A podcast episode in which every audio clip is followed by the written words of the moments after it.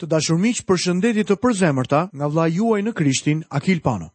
Ju uroj mirëseardhjen në studimin tonë biblik. Sot do të fillojmë studimin tonë në kapitullin e 3 të librit të Ruthit. Nga emisioni i kaluar, në prezantimin e këtij kapitulli, shqyrtuam rastin se sikur një gruaje do t'i vdiste burri i saj dhe ai nuk do t'i kishte lënë trashëgimtar pra fëmijë, Ligji i Mojsiut thoshte që kjo grua duhet të martohej me kunatin e saj. Dhe nëse ai nuk binte dakord me këtë martesë, atëherë kjo grua kishte të drejtë që ta sillte kunatin e saj përpara pleqve të Izraelit në portat e qytetit. Dhe nëse kunati dhe atje do të refuzonte ta merrte për grua, gruan e vëllait të tij të vdekur, në mënyrë që të mund t'i linte asaj trashëgimtar, atëherë ky person do të turpërohej publikisht dhe në fakt kjo nuk ishte një gjë e zgjuar që një burrë të bënte. Në dukje, ky është një ligj i pazakontë që e vendos një vejushë pa fëmijë në një pozitë të veçantë. Kjo gjë ndryshon plotësisht situatën e saj. Tani ajo mund të kërkojë njërin prej vëllezërve, por në fakt, kjo është detyra e saj ndaj burrit të vdekur. Unë mund ta kuptoj fare mirë se kjo ishte diçka që e lidhte familjen në atë kohë. Kjo bënte që të gjithë vëllezërit të ishin të interesuar se me ç'vajzë dilte i vëllai i tyre, meqenëse ata ishin të përfshirë në një situatë të tillë. Ky ligj ishte një masë nga Zoti. Mendoj se këtu jepen dy objektiva të qarta.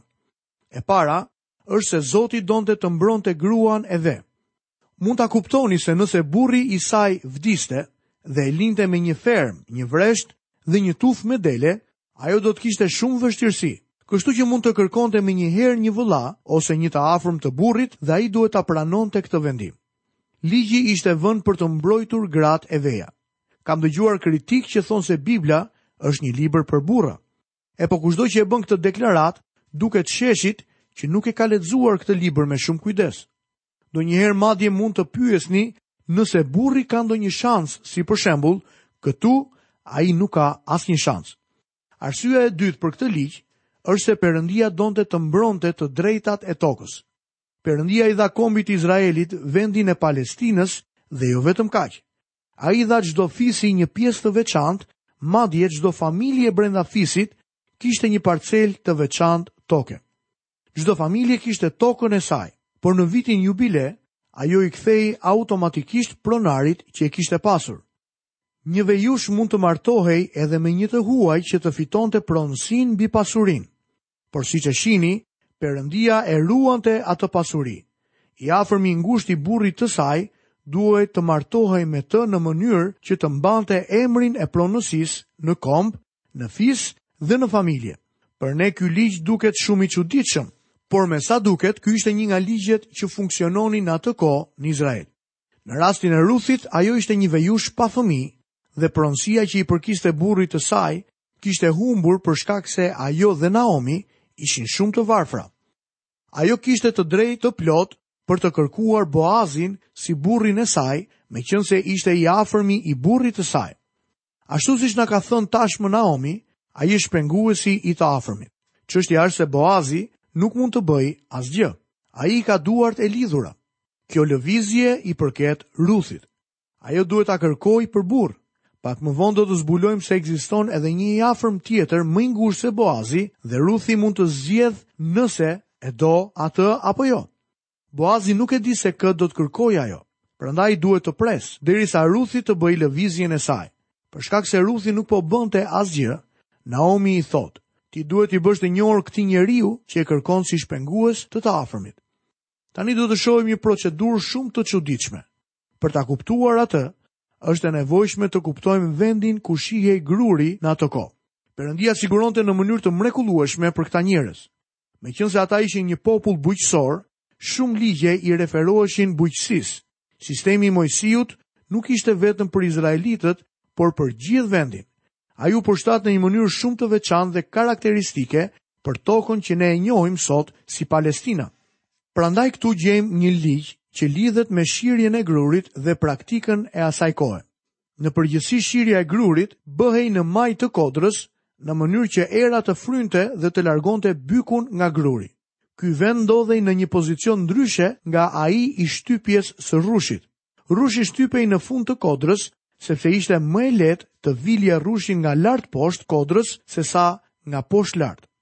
Vendi i shtypjes së rrushit ishte vendi ku ndodhej Gideoni kur po shinte grurin.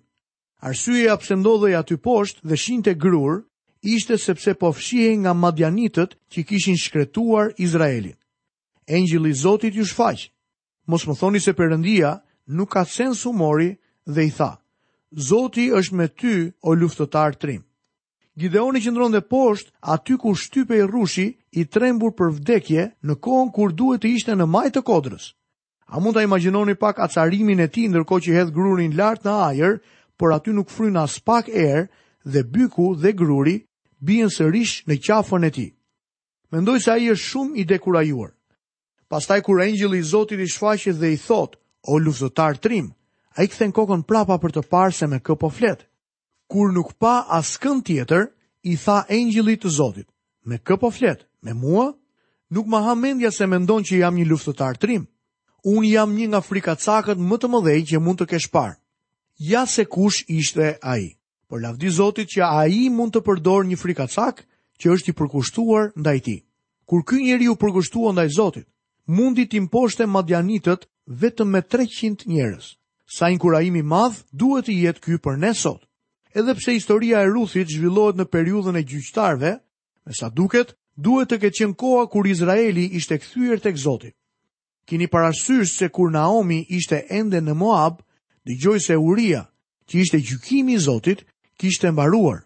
Izraeli ishte kthyer në një periudhë qetësie dhe shirja e grurit bëhej në vendin e duhur në majë të kodrës.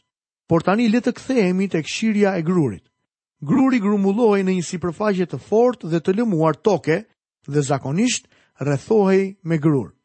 Kur isha në atë vend pashë shumë vende të tilla, sidomos në Samari. Kur ishim atje në pranverë, Njerëzit nuk kishin filluar akoma shirjen e grurit, kështu që nuk e pamë, por ajo vazhdonte të bëhej në majë të kodrës.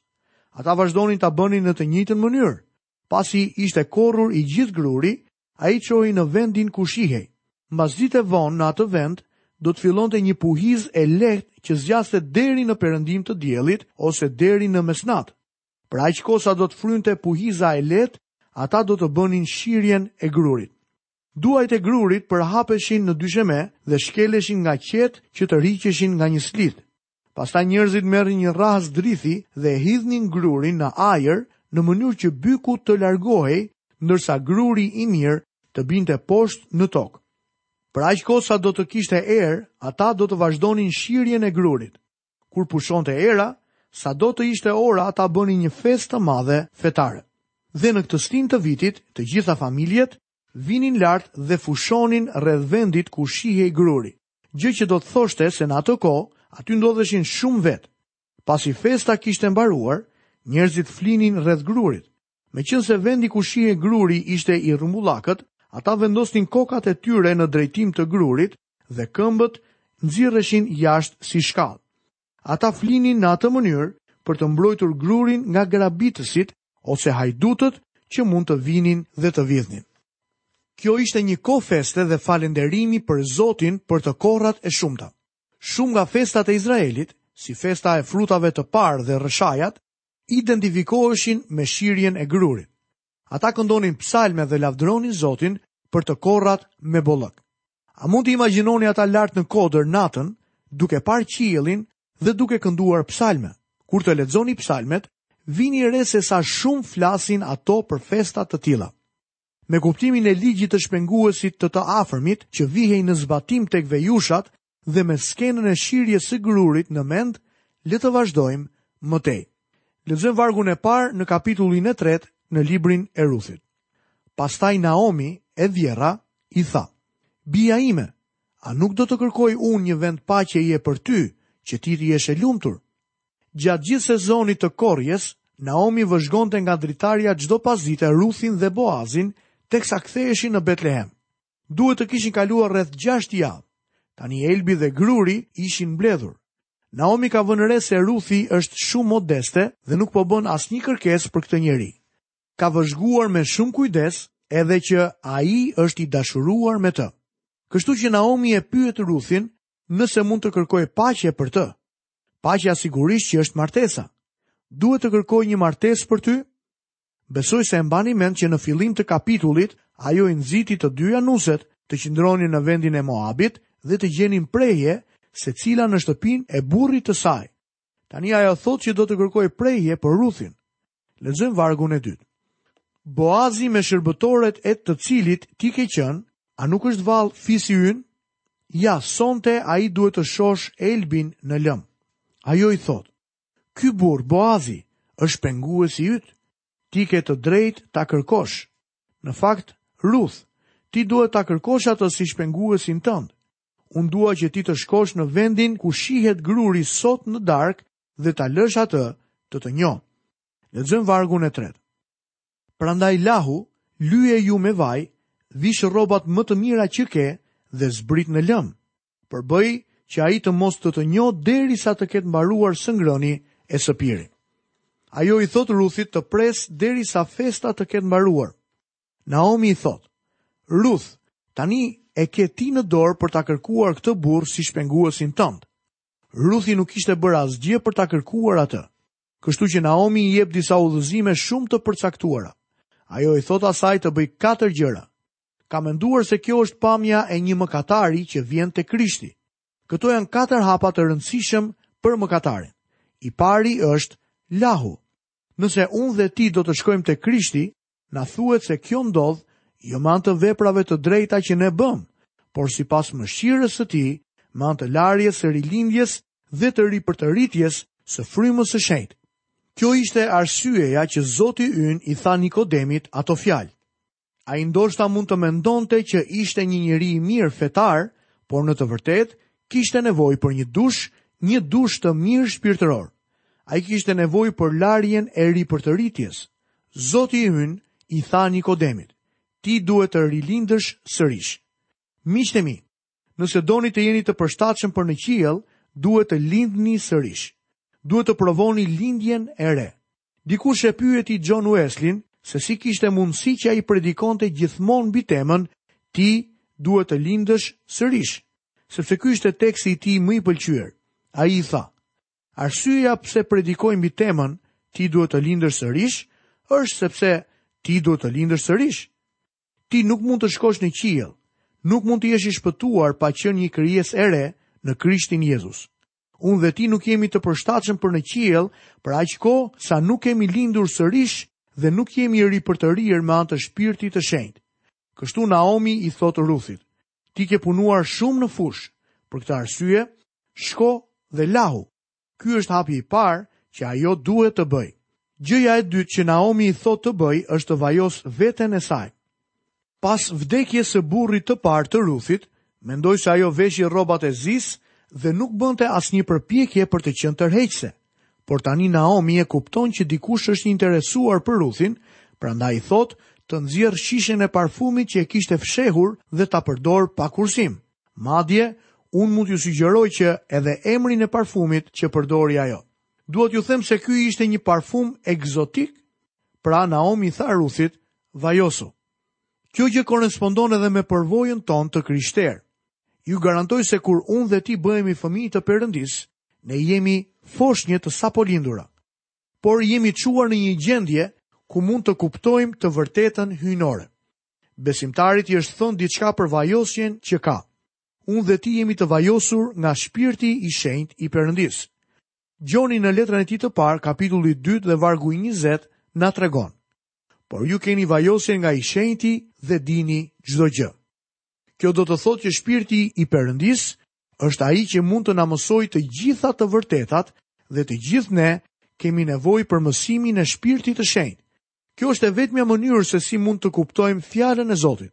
Shpirti i Shenjtë duhet të na mësojë. Ky është një nga faktet e lëna pas dore sot. Pikërisht në këtë kohë, në rrethet teologjike po luftohet në mënyrë të marrë mbi doktrinën e frymëzimit. Të dish që Bibla është e frymëzuar nga Zoti është shumë e rëndësishme, por ti mund të besosh plotësisht në frymëzimin e shkrimit dhe ende të mos dish asgjë për fjalën e Zotit. Si është e mundur kjo? Ti duhet të kuptosh që nuk mjafton ta çosh këtë libër tek intelekti njerëzor dhe të presësh që individët përmes intelektit të tyre ta kuptojnë. Edhe pse mund të kuptosh fakte, mund të mësosh disa gjëra intelektuale. Për gjërat shpirtërore ke nevojë të mësohesh nga fryma e Zotit. Në letrën e parë të Korintasve, kapitulli 2, vargjet 9 dhe 10, Pali shkruan: Por sikurse është shkruar, ato gjëra që syri nuk i ka parë dhe veshi nuk i ka dëgjuar dhe nuk kanë hyrë në zemër të njeriut, janë ato që Perëndia ka përgatitur për ata që e duan atë.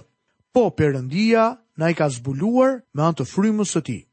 Fryma e Zotit është e aftë të na mësojë dhe të na drejtojë në të gjitha të vërtetat.